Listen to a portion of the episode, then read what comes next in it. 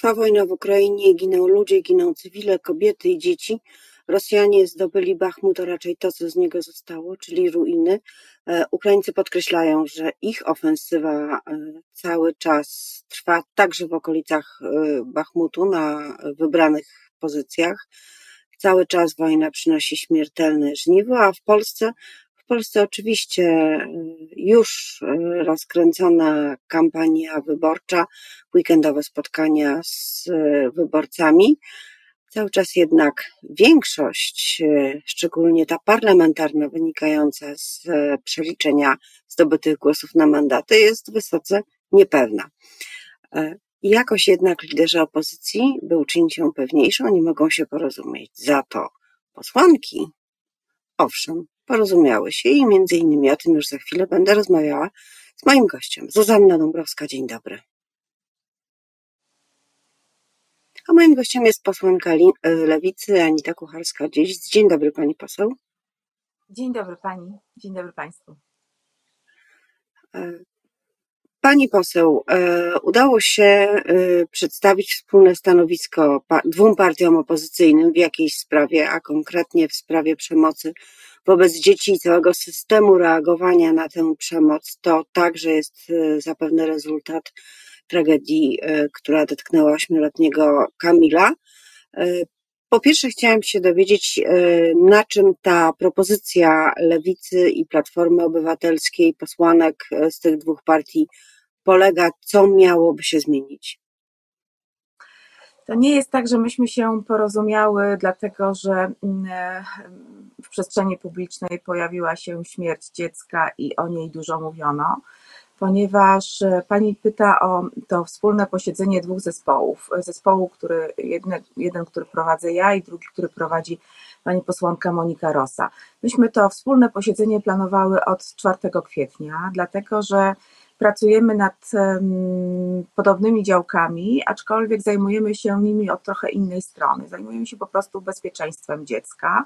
Ja bardziej, pani Monika Rosa bardziej prawami dziecka i konstytucją praw dziecka. W związku z tym e, połączyłyśmy siły, zaplanowałyśmy wspólne posiedzenie.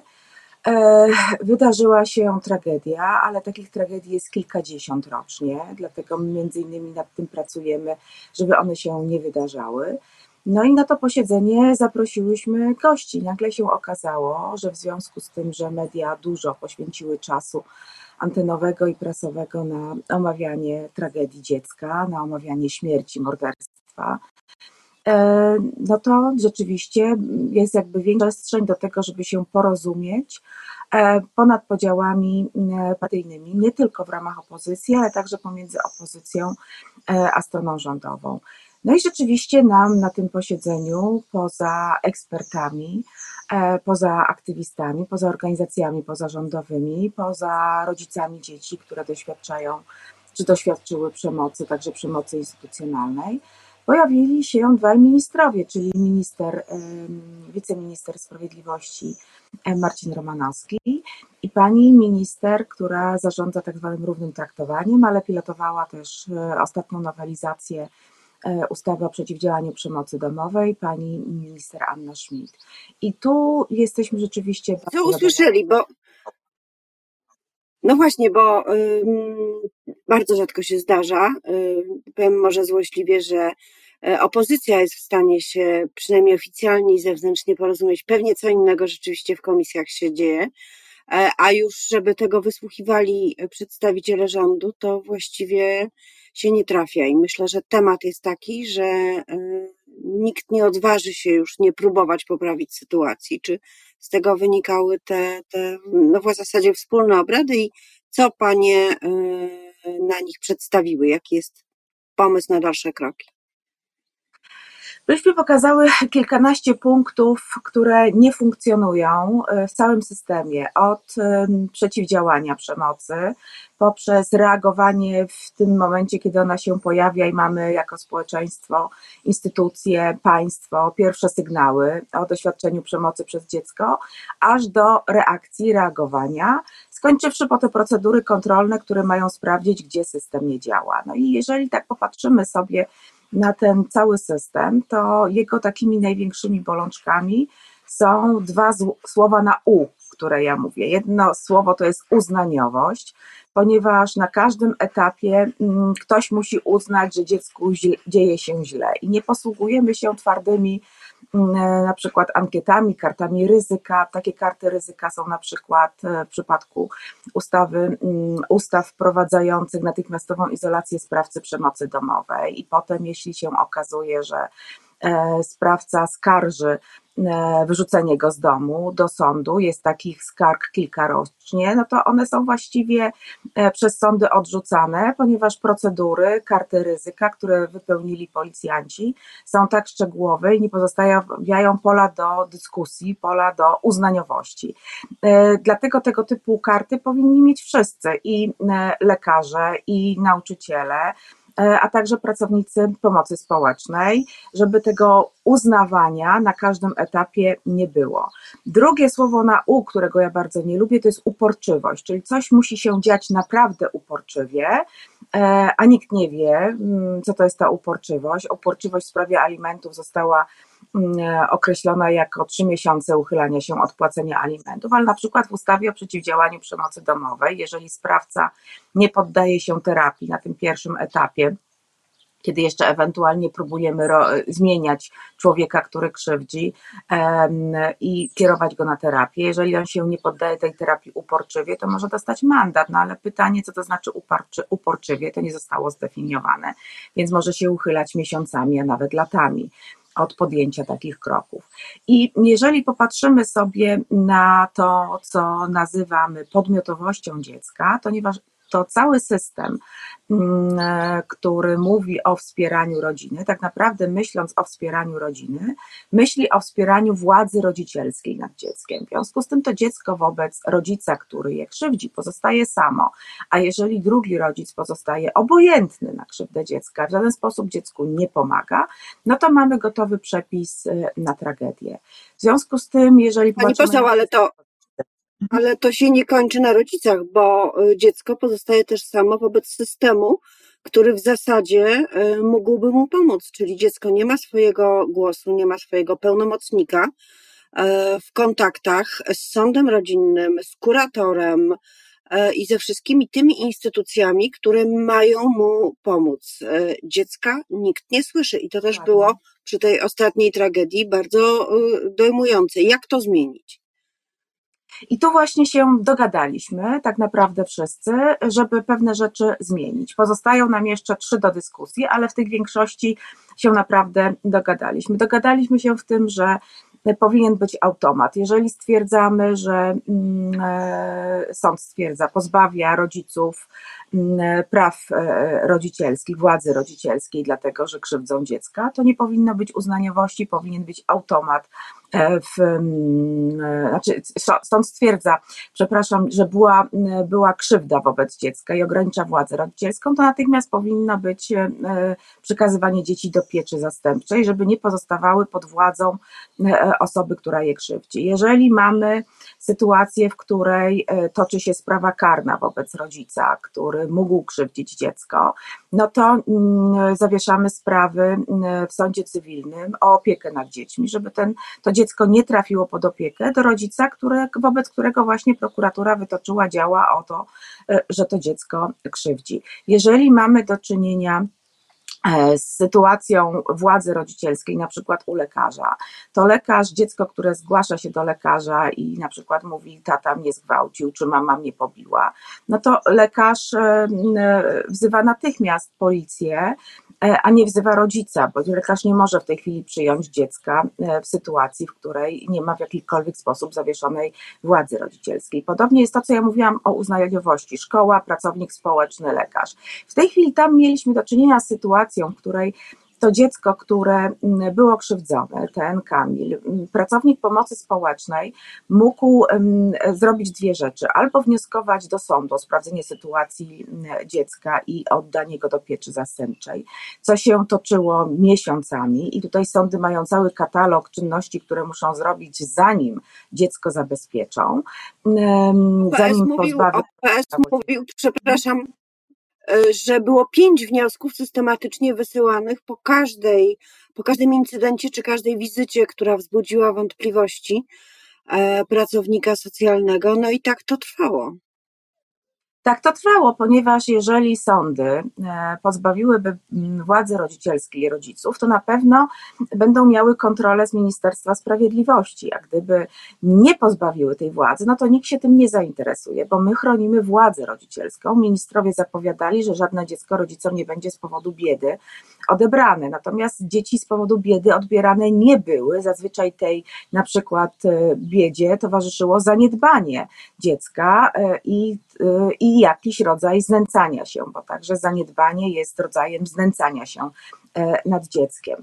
I teraz pracownik społeczny, jeżeli chciałby odebrać dziecko natychmiast i umieścić w pieczy zastępczej, to mamy do czynienia z sytuacją, w której on musi wezwać policję, musi wezwać karetkę, żeby lekarz albo ratownik stwierdził zagrożenie życia i zdrowia dziecka, a w myśl nowelizacji powinien także zabezpieczyć pomoc psychologiczną. W związku z tym tak naprawdę nikt nie ma tych możliwości, żeby natychmiast interweniować, dlatego że jak powtarzam, jak mantrę i to jest największa słabość tego systemu, system ochrony dziecka w Polsce nie istnieje. Jest system ochrony rodziny, czyli czytaj system ochrony władzy rodzicielskiej. I to jest to, że to dziecko nie może czuć się, czuć się bezpieczne. Pani redaktor spytała mnie także o kwestię pełnomocnika dziecka. To jest też coś, co podnosiliśmy i z tym też jest zgoda, że trzeba to będzie wprowadzać. Są pewne standardy międzynarodowe, są zapisy UNICEF-u i my także chcemy, żeby dziecko miało swojego pełnomocnika, ponieważ mamy problem systemowy z rozróżnianiem tego, co się nazywa konfliktem rodzicielskim, a tego, co się nazywa przemocą poseparacyjną. W związku z tym dziecko w tej sytuacji, kiedy rodzice są z sobą w konflikcie, albo jedno doświadcza przemocy ze strony drugiego, albo oboje się krzywdzą, dziecko nie ma nikogo, kto by je reprezentował w tych sprawach cywilnych. W związku z tym to musimy absolutnie zmienić i już jest co do tego To ma być prawnik, po prostu regularny.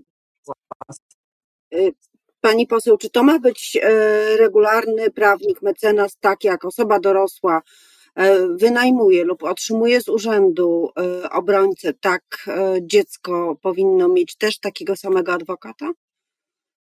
To powinno być, wie Pani, w sytuacjach, które są trudne e, prawniczo, pewnie powinien być prawnik. Natomiast w sytuacjach, w których my mamy do czynienia tylko z reprezentacją interesu dziecka, niech to będzie kurator, niech to będzie pracownik OZSS-u, niech to będzie ktoś, kto po prostu rozumie sytuację dziecka i będzie je w pełni reprezentował, do kogo dziecko będzie miało też zaufanie.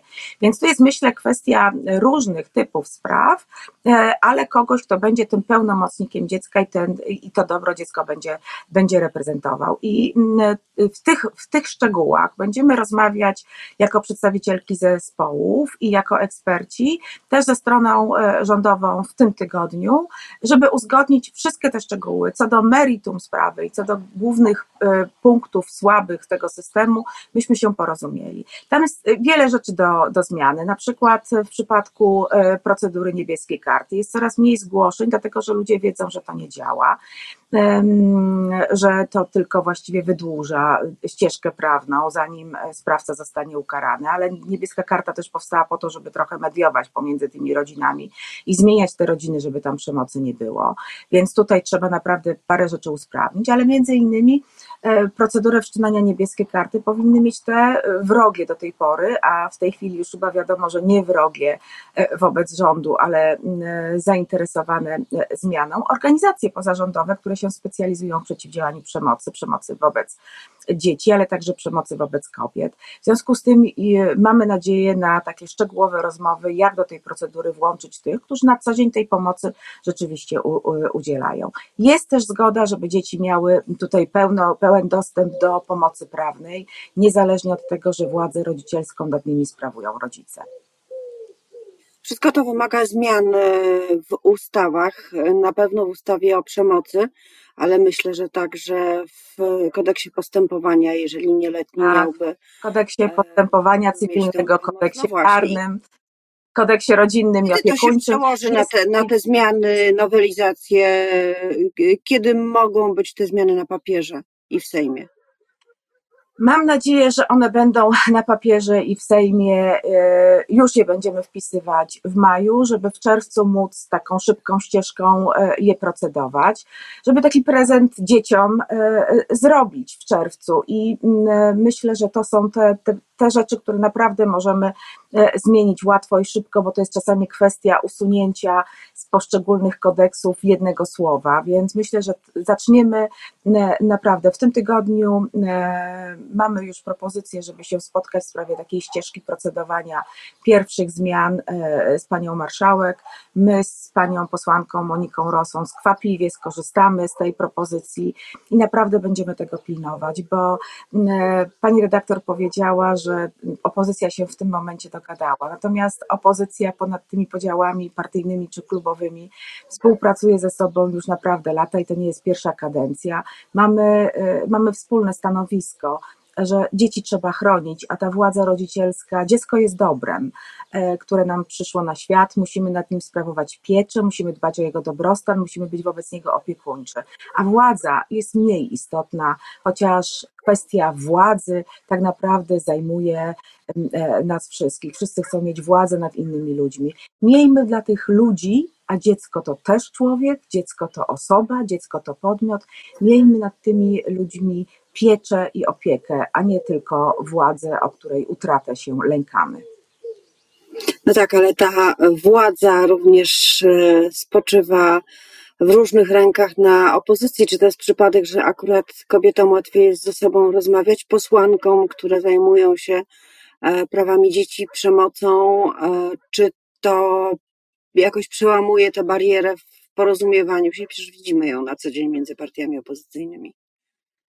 W, tym, w tych naszych zespołach jest więcej kobiet, ale z mężczyznami też nam się doskonale współpracuje i myślę, że mają sporo zrozumienia dla tych kwestii.